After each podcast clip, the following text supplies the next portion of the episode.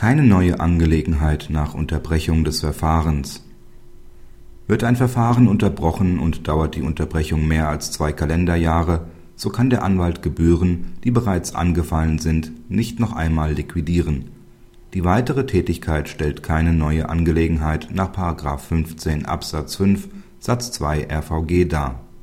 Das Verfahren war durch Beschluss vom 15.04.2002 unterbrochen worden. Auf Antrag der Beklagten vom 4.12.2004 wurde das Verfahren fortgeführt. Der bisherige Verfahrensbevollmächtigte des verstorbenen Klägers übernahm nunmehr die Vertretung der Erben. Nach Abschluss des Verfahrens meldeten die Kläger zwei Verfahrensgebühren an, eine für das Verfahren bis zur Aussetzung und eine für das später fortgeführte Verfahren. Das Gericht hat den Festsetzungsantrag insoweit zurückgewiesen. Die hiergegen erhobene Erinnerung hatte keinen Erfolg. Das Gericht weist zutreffend darauf hin, dass durch die Aussetzung eines Verfahrens keine Erledigung im Sinne des § 15 Absatz 5 Satz 2 RVG eintritt. Mit Aussetzung des Verfahrens endet nicht das Mandat. Vielmehr bleibt der Anwalt zunächst einmal in der Sache beauftragt, zumal er während der Zeit der Aussetzung stets prüfen muss, ob der Aussetzungsgrund nicht weggefallen ist und er die Fortführung des Verfahrens beantragen muss.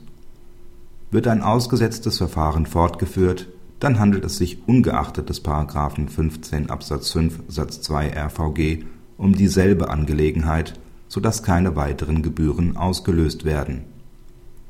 Praxishinweis Die gleiche Rechtslage liegt auch vor, wenn ein Verfahren zum Ruhen gebracht wird. Auch darin liegt keine Beendigung im Sinne des § 15 Absatz 5 Satz 2 RVG. Voraussetzung ist im Übrigen dass seit der Erledigung mehr als zwei Kalenderjahre vergangen sind. In Anbetracht dessen, dass die Fortführung des Verfahrens bereits im Dezember 2004 beantragt worden war, spricht hier einiges dafür, dass es bereits an dem erforderlichen Zeitraum fehlte.